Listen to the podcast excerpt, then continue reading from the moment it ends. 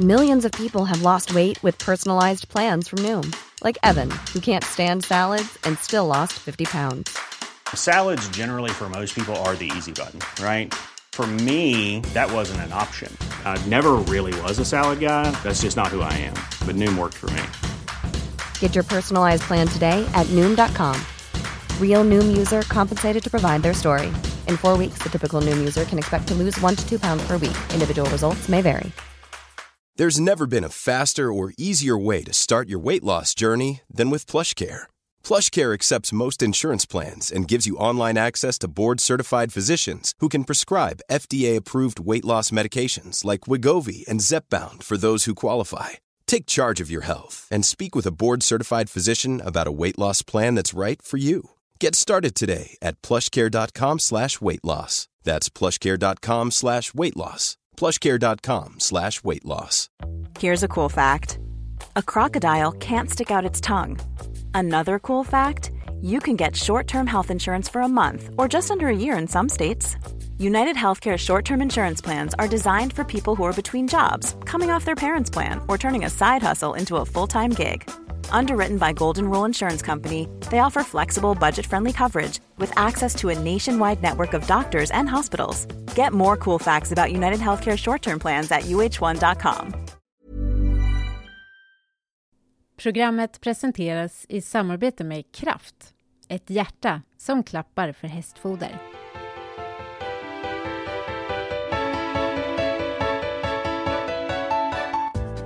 I dagens OS-podd blir det OS-minne med ridsportsmedarbetare Sara och Rodan Thunholm. Historien om hur brittiska dressyrstjärnan Charlotte Jardin hittade sin OS-häst Gio. Men först dressyrexperten Lian Wachtmeister om helgens Grand Prix-kval och Juliette Rammers prestation.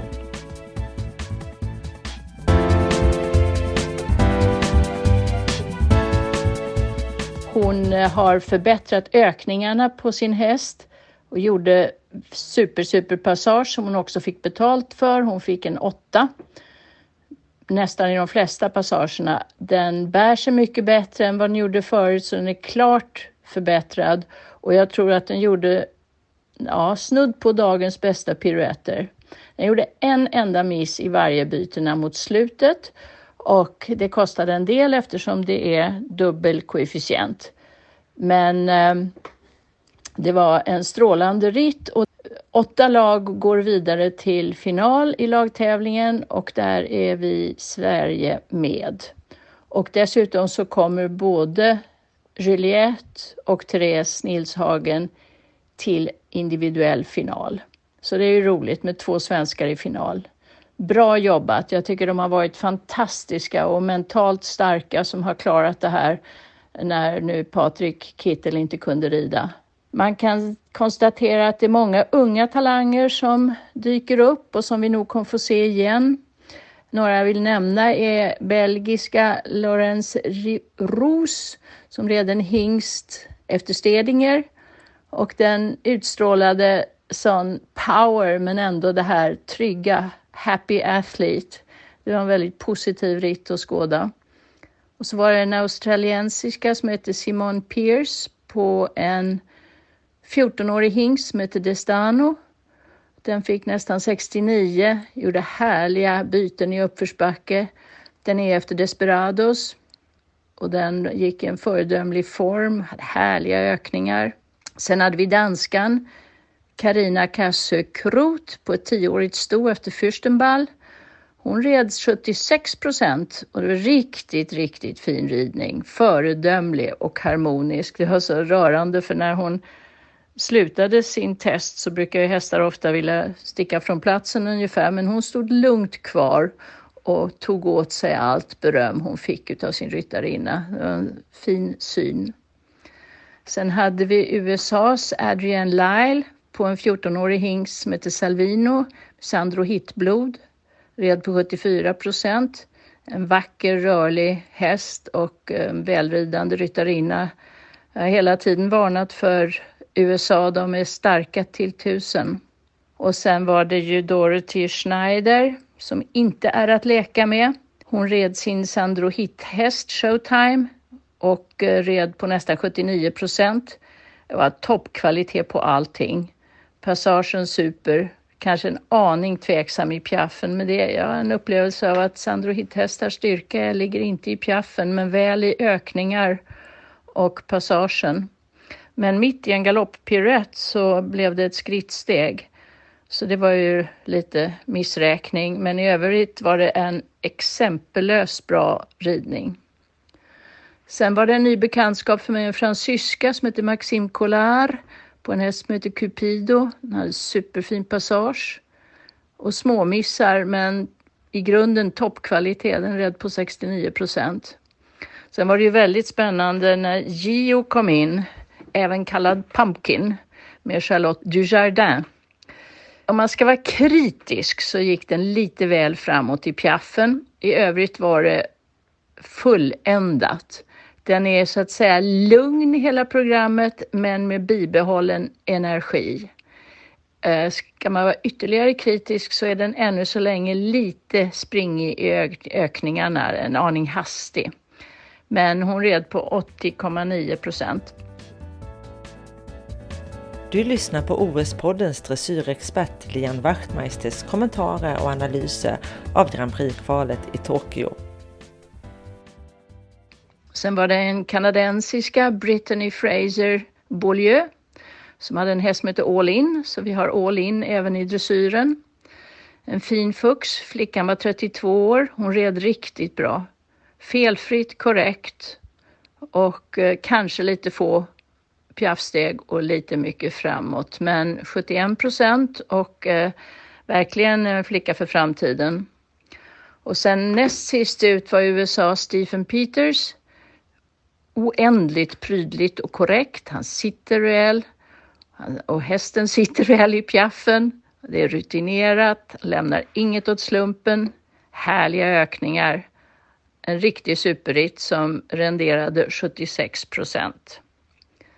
Och sen sist av alla så startade Isabelle och Belarus gjorde allting fantastiskt fint. Det var helt prickfritt och säkert.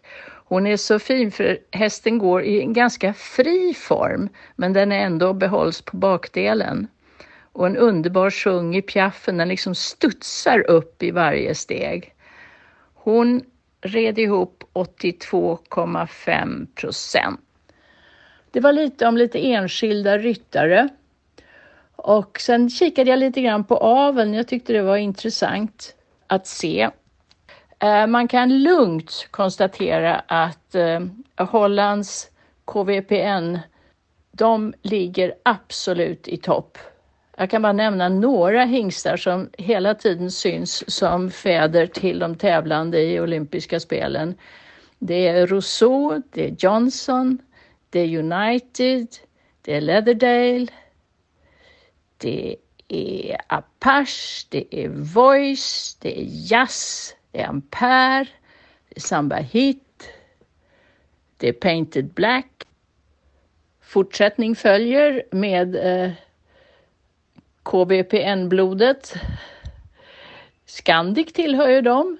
Den som heter Tango, Vivaldi, Negro, Tuttilas, det var ju två i det holländska laget som var Tuttilas avkommor.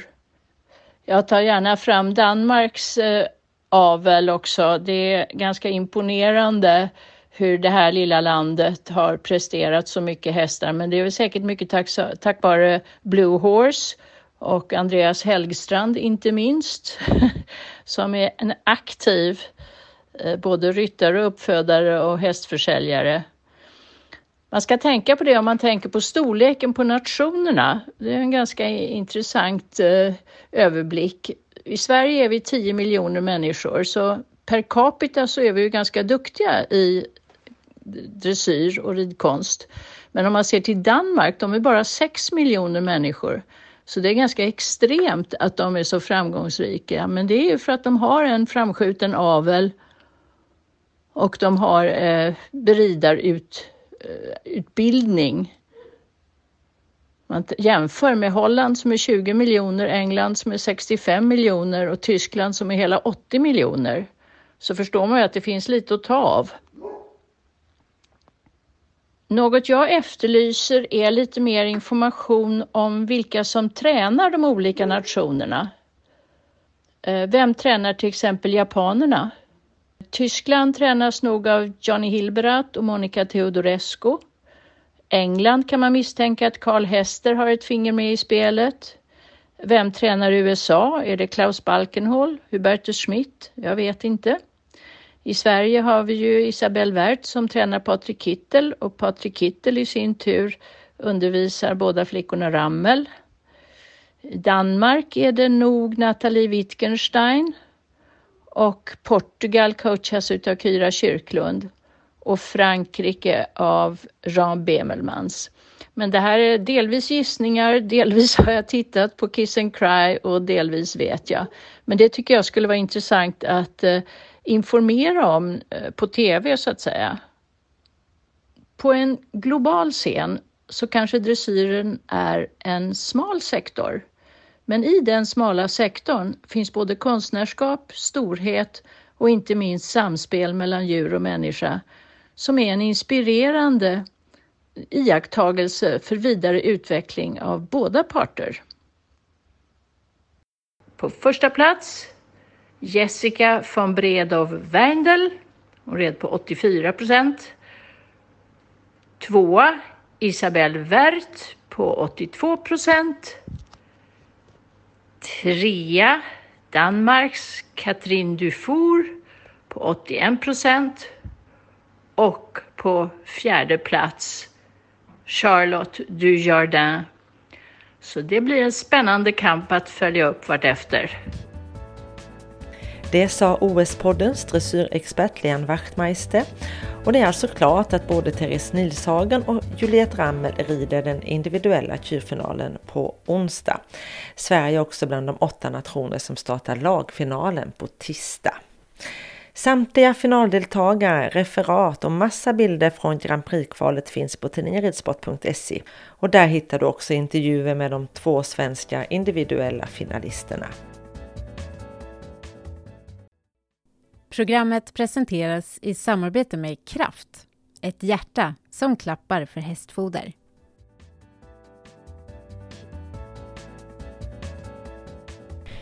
Du som har lyssnat på OS-podden har säkert hört att flera av de intervjuade berättar om vikten av mästerskapsrutin. Och nu ska vi möta ett äkta par som har OS-rutin som få andra. Jag och Anneli Frank träffar två riktiga OS-veteraner i Falsterbo. Det är journalisten Sara Thunholm och fotografen Roland Thunholm som har gjort många, många, många uppdrag för ridsport. Hur många OS har du gjort Sara? Jag har gjort sex. Jag var väl på väg mot mitt sjunde nu tror jag. Och Roland, hur många OS har du gjort? Jag har gjort sju, hade sett fram emot ett åttonde men det uteblir. Varför åker du inte Roland? Eh, det är för stora risker att jag hamnar i karantän. Covid-test innan jag åker, covid-test när jag landar. Och är det minsta misstanke så blir det karantän på hotellrummet och det är inte så roligt. Risken är dessutom att jag inte kommer hem därifrån, att jag inte får lämna landet. Och det känns ju ännu tråkigare. Mm. Eh, om vi ska ta det från början. Eh, det första OS, var det du Roland ensam på det utav era eller hur gick det till? Eh, det var jag ensam. Eh, det var Barcelona 1992. Låg centralt mitt inne i stan på en poloklubb. Nästan granne med, med eh, den stora fotbollsstadion. Samma arena där Nations Cup-finalerna går numera. När det inte blir inställt.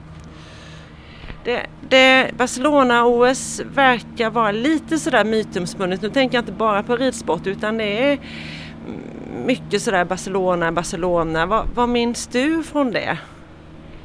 Soligt, varmt. Eh, vi bodde i en, eh, i en eh, mediaby en bit därifrån. Vi tog tunnelbanan ut. Och där var omgivet av dubbla höga taggtrådsstängsel med beväpnade vakter som, passerade, eller som bevakade oss dygnet runt. Jag tror de bevakade oss eller också bevakade de att vi inte skulle fly därifrån. Jag vet inte riktigt. Sportsligt då, ditt bästa minne? Lite svårt att säga. Ja, The Flying Swede, alltså Peder eh, Fredriksson som då red fälttävlan.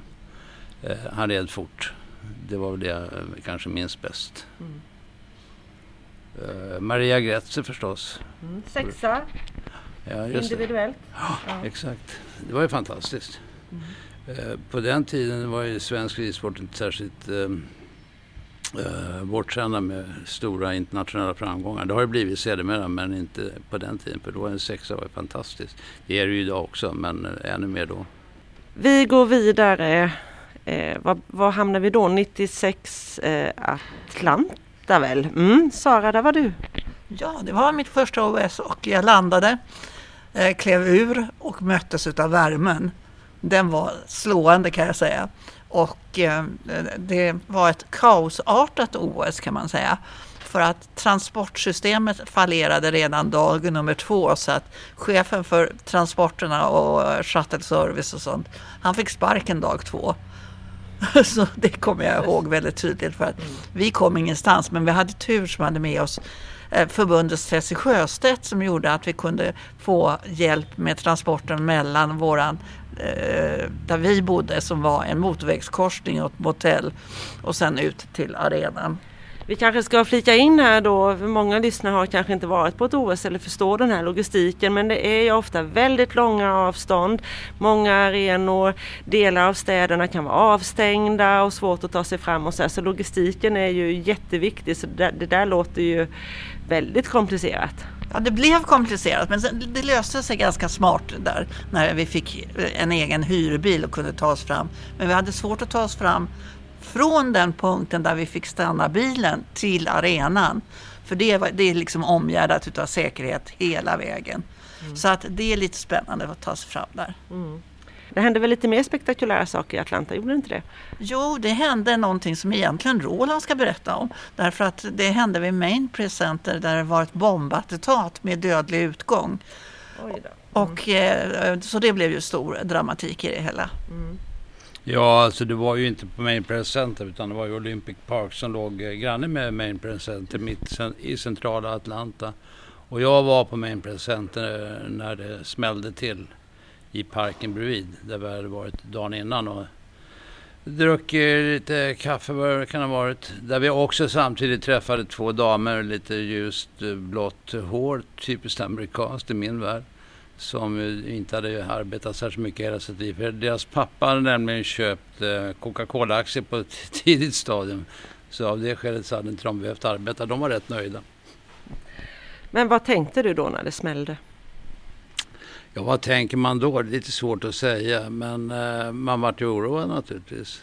Nu var ju vi 20-30 meter därifrån, så det var inte så farligt för oss. Men 20-30 meter därifrån. Det låter ju väldigt nära i mina öron. Ja, det smällde ju rätt bra. Mm. Så även i våra öron var, var det ju mm. anmärkningsvärt naturligtvis. Mm. mm. Men man, eh, vi visste ju inte vad det var då. Eh, I inledningsskedet fick vi reda på lite senare. Vad var det då? Berätta. Det kommer jag inte ihåg. Att Sara kommer ihåg det bättre. No, det var en kille som ville göra sig uppmärksammad Eh, det var vad vi fick veta som uppgifter. Mm. Och eh, han hade som avsikt att se till att skada mig presenter på något sätt. Okej. Okay. Mom deserves the best and there's no better place to shop for Mother's Day than Whole Foods Market. They're your destination for unbeatable savings, from premium gifts to show-stopping flowers and irresistible desserts. Start by saving 33% with Prime on all body care and candles. Then get a 15-stem bunch of tulips for just $9.99 each with Prime. Round out Mom's menu with festive rosé, irresistible berry chantilly cake, and more special treats. Come celebrate Mother's Day at Whole Foods Market. Planning for your next trip? Elevate your travel style with Quince. Quince has all the jet setting essentials you'll want for your next getaway, like European linen, premium luggage options, buttery soft Italian leather bags, and so much more. And it's all priced at 50 to 80% less than similar brands. Plus, Quince only works with factories that use safe and ethical manufacturing practices. Pack your bags with high-quality essentials you'll be wearing for vacations to come with Quince. Go to quince.com slash trip for free shipping and 365-day returns. Many of us have those stubborn pounds that seem impossible to lose, no matter how good we eat or how hard we work out. My solution is plush care PlushCare is a leading telehealth provider with doctors who are there for you day and night to partner with you in your weight loss journey. They can prescribe FDA-approved weight loss medications like Wagovi and Zepbound for those who qualify. Plus, they accept most insurance plans. To get started, visit plushcare.com slash weight loss. That's plushcare.com slash weight loss. Mom deserves the best, and there's no better place to shop for Mother's Day than Whole Foods Market. They're your destination for unbeatable savings, from premium gifts to show-stopping flowers and irresistible desserts. Start by saving 33% with Prime on all body care and candles. Then get a 15-stem bunch of tulips for just $9.99 each with Prime. Round out Mom's menu with festive rosé, irresistible berry chantilly cake, and more special treats. Come celebrate Mother's Day at Whole Foods Market. Hey, it's Paige DeSorbo from Giggly Squad. High quality fashion without the price tag. Say hello to Quince. I'm snagging high-end essentials like cozy cashmere sweaters, sleek leather jackets, fine jewelry, and so much more. With Quince being 50 to 80% less than similar brands. And they partner with factories that prioritize safe, ethical, and responsible manufacturing. I love that. Luxury quality within reach. Go to quince.com slash style to get free shipping and 365 day returns on your next order. Quince.com slash style. Okej. Om vi går till det sportsliga i Atlanta, vad finns det att säga om det? Jag kan säga så här att det blev en debatt som egentligen eh, gav ett väldigt gott resultat i slutändan. Det var väldigt mycket diskussioner kring underlag som inte var bra. Och det, till sista besiktning, när det gäller hopphästarna då, så var det ett flertal av favoriterna som inte gick igenom för att underlaget hade inte hade varit bra. När det gäller dressyren så kan man säga att där var det väldigt mycket uppmärksamhet kring Anki van Grundsven, Nederländerna, och Isabelle Bert, tysken, som hade dominerat. De där två var som hund och katt. Mm. Och Isabelle ska vi säga, hon är ju klar guldfavorit även i, i år Tokyo. Det är ju en otroligt lång karriär hon har haft. Verkligen, hon är, har varit dressyrens dominant. Eh, Men då var det ju Anki där ett tag. Ja, det var det. Och sen var det mycket diskussion om hur, hur Anki red. Och eh, att hon red fram en häst som vi idag kallar att den gick i rollkur. Och ehm, eh, ja, det skapade också en debatt som har lett någonstans, mm. tycker jag. Mm. Kan, det, kan det ha någon betydelse då att de här sakerna både med underlag och eh, dressyrhästarnas form, att det var just på ett OS, kan det ha bidragit till att utvecklingen har eh, ja, accelererat eller så? Absolut, för uppmärksamheten blir ju så mycket större. Media är där, media skriver även om de egentligen inte kan ridsport. Vi har ju den, inom citat den riktiga media på plats. Mm. Som kan analysera och som kan ifrågasätta framför allt. Mm. Och det är väldigt bra för sporten. Mm. Något mer att säga om Atlanta? Atlanta blev ju då när det gäller svensk dressyrsynpunkt så var den ganska bra egentligen. Fast vi idag liksom inte riktigt minns det. För Lussan, Louise Nators, var femma med Walk on Top. Som sen var vår främsta svenska häst och har vunnit världscupfinalen mm. i Göteborg. Mm. Just det. Så det var spännande värre. Ja, just det. Och sen hade vi egentligen fälttävlan som var väldigt dramatisk eftersom vi hade bara Paula Törnqvist. Och hon var ju redan skadad. Mm, vad då för skada? Eh, en, hon hade ramlat av unghäst. Okay. Nu får du rätta mig om jag har fel här, men visst var det så att i fälttävlan så var det uppdelat så att det var en lagtävling och en individuell tävling. Det var liksom inte... Stämmer bra. Och vi hade en dominans utav Nya Zeeland. Och, eh, och sen hade vi en australiensiska som red med bruten arm sista hoppningen. Som var lite sådär dramatisk. Man var lite orolig när hon kom in på banan. Mm. Ska vi gå vidare? Ja. Var hamnar vi då Roland efter Atlanta? Ja, det låter som Sydney. Uh, vad var det för årtal nu då? 2000. 2000, ja precis. Mm. Ja, väldigt långt bort. Det tog lång tid att flyga dit. Eh, men annars var vi Sydney rätt så trevligt arrangemang. Vi bodde på ett hotell inne i stan och sådär så att eh, eh, det var rätt okej okay, tycker jag. Det var, arenorna, ridsportarenorna låg långt ut. det tog väl eh, nästan med, med shuttlebuss ifrån Main Press Center eh, en dryg timme med buss mm. med flera byten. När vi väl var där så fungerade det alldeles utmärkt. Mm. Du, fotograf eh, Roland Thunholm, eh, står där nere hela dagarna, långa dagar och fightas med, med andra fotografer. Vad, vad är det som är speciellt med att fotografera ett OS? Ja, jag vet inte om det är särskilt. Det, det, är ungefär som vilken tävling som helst. Det är bara regelverket lite hårdare. Alltså vi är väldigt hårt kringskrivna. Vi får röra oss på vissa platser, stå på vissa platser. Utanför där så är det ju risk att man blir av med sin badge. Alltså ackrediteringsbadgen som visar att man får stå där. Mm. Och så måste man ha en fotoväst på sig och sen det blir, vi är väl kanske eh, 60, 70, 80 fotografer från hela världen och ungefär snarlika bilder allihopa så är det rätt så, så enahanda egentligen. Då vill man ju alltid försöka ta sin egen vinkel eh, och det är inte lätt eftersom det är så många som slåss om, om det hela runt arenan. Mm. Eh, vad har du att säga om Sydney, Sara Thunholm? Det var väldigt mycket dramatik kring det kan jag säga. Kanske inte så, jo på banan också. Men eh, för det första så hade vi stor dramatik när det gäller dressyren. För där gick då en av hästarna inte genom besiktningen och det var Ulla Håkanssons Bobby. Eh, och eh, då kom Ulla till eh, och mötte media och två veterinärer kom med. Och sen ringde eh, Ulla upp sin terapeut, hästterapeut som bor på Öland och eh, Bobby skulle berätta hur han mådde för henne. Och hela journalistkåren var lite i chock över denna. Eh, vi, vi förstod inte riktigt vad Bobby svarade där kan jag säga. Så att det var den första dramatiken och sen så ville man att Ulla skulle rida någon av de andra hästarna och det funkade inte riktigt. Så någon av de andra hästarna? Ja, det, Brinken hade två med. Så att han, Jan Brink skulle då låna ut sin andra häst till Ulla. Men det gick inget bra.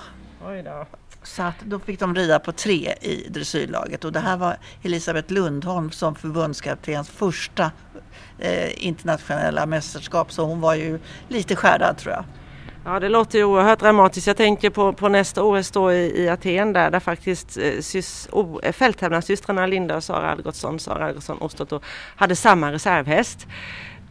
Lite på samma, samma tema där. Eh, mer då Sydney, finns det något mer att berätta? Eh, ja absolut. Eh, där hade vi då, det är fortfarande dressyren, mm. men där hade vi då eh, Tinne Wilhelmsson som red en Cortés-avkomma som heter Caesar. Och när Lust, eh, Tinne vänder upp på medlinjen i sista uppridningen, då tyckte Caesar att eh, jag kanske ska göra lite extra piaff.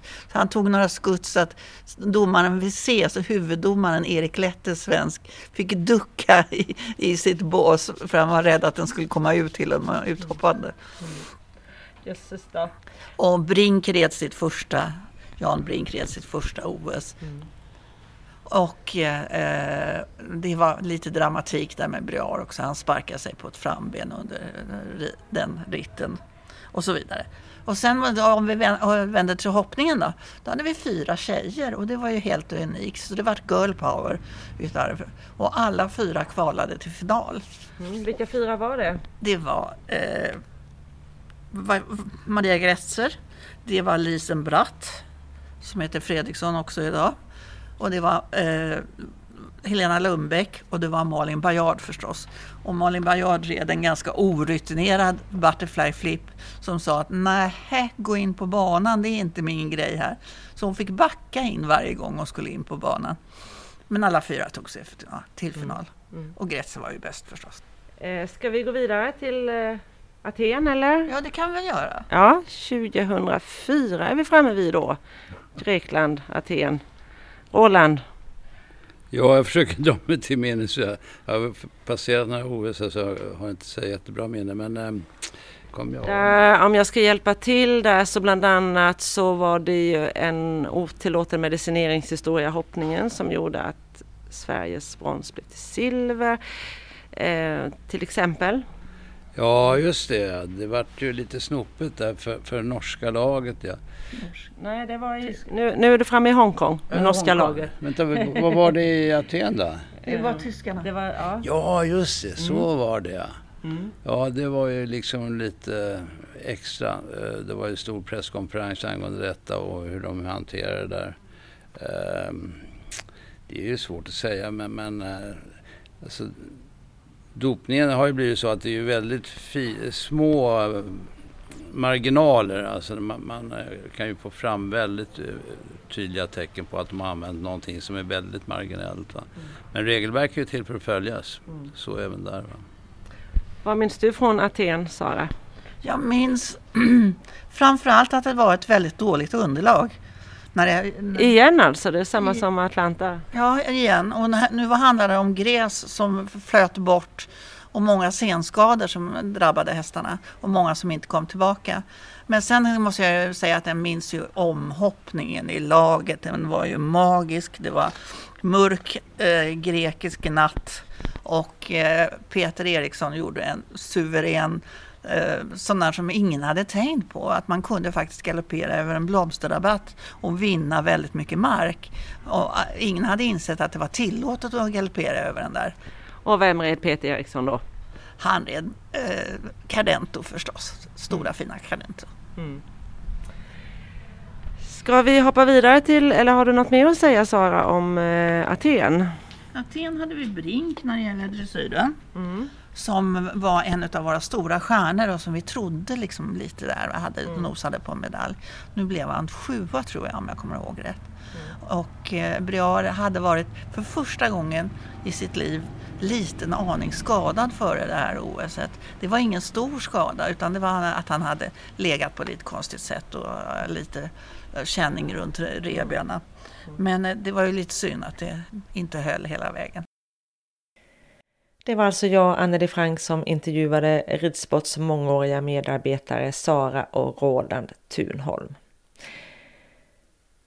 Saknar du Emily Scholtens och Desperado, ekipaget som ingick i Hollands silverlag på EM 2019 i Tokyo? Det är du inte ensam om. De inledde året starkt med att vinna en av observationstävlingarna i februari. Men i slutet på maj tvingades Hollands Emily Scholtens kasta in OS-handduken. 13-åriga hingsten Desperado efter Vivaldi var i mycket god form i början av året. Ekipaget såg ut att vara på god väg mot en plats i det holländska OS-laget.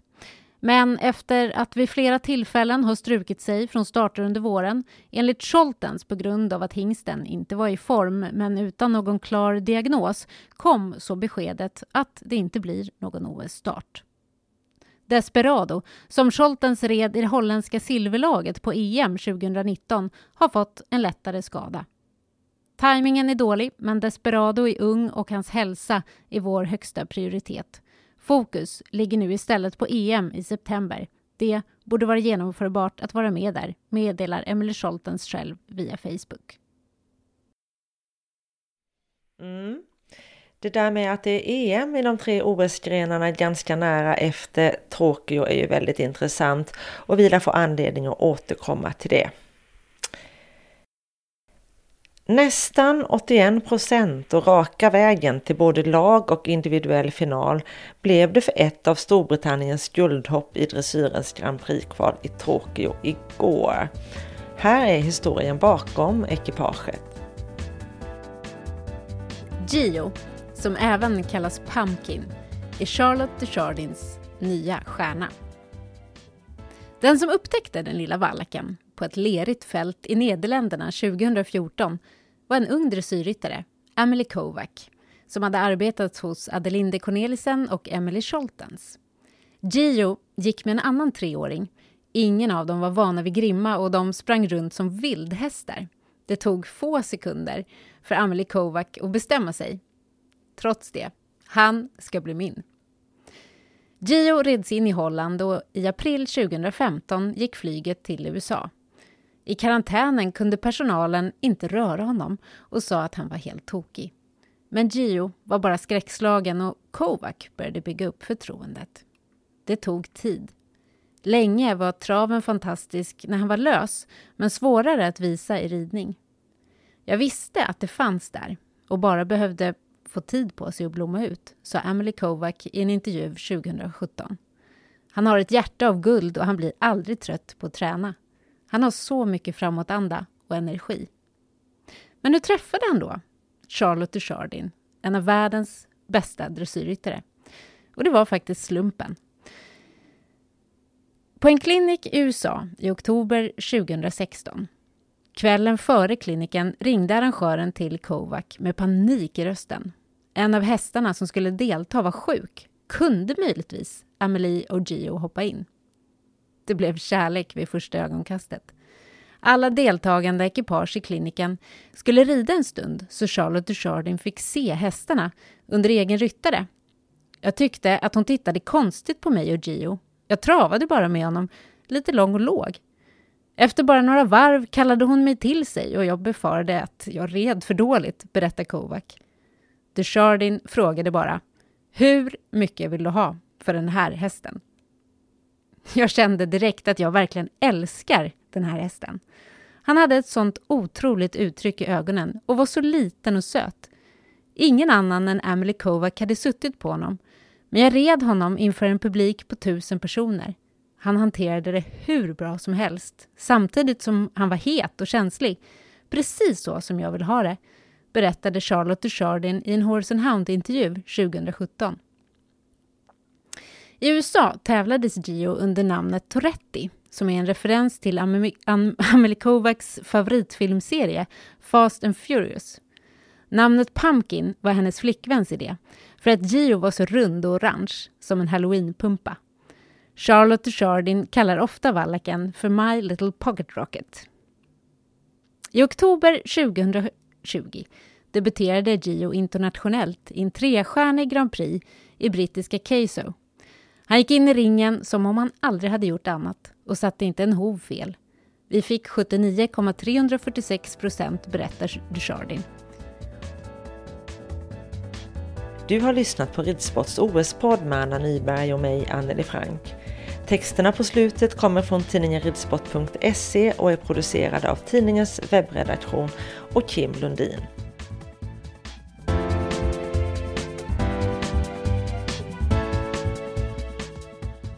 Programmet presenteras i samarbete med Kraft, ett hjärta som klappar för hästfoder. Mom deserves the best, and there's no better place to shop for Mother's Day than Whole Foods Market. They're your destination for unbeatable savings, from premium gifts to show-stopping flowers and irresistible desserts. Start by saving 33% with Prime on all body care and candles. Then get a 15-stem bunch of tulips for just $9.99 each with Prime. Round out Mom's menu with festive rosé, irresistible berry chantilly cake, and more special treats. Come celebrate Mother's Day at Whole Foods Market. Hi, I'm Daniel, founder of Pretty Litter. Cats and cat owners deserve better than any old fashioned litter. That's why I teamed up with scientists and veterinarians to create Pretty Litter. Its innovative crystal formula has superior odor control and weighs up to 80% less than clay litter. Pretty Litter even monitors health by changing colors to help detect early signs of potential illness. It's the world's smartest kitty litter. Go to prettylitter.com and use code ACAST for 20% off your first order and a free cat toy. Terms and conditions apply. See site for details.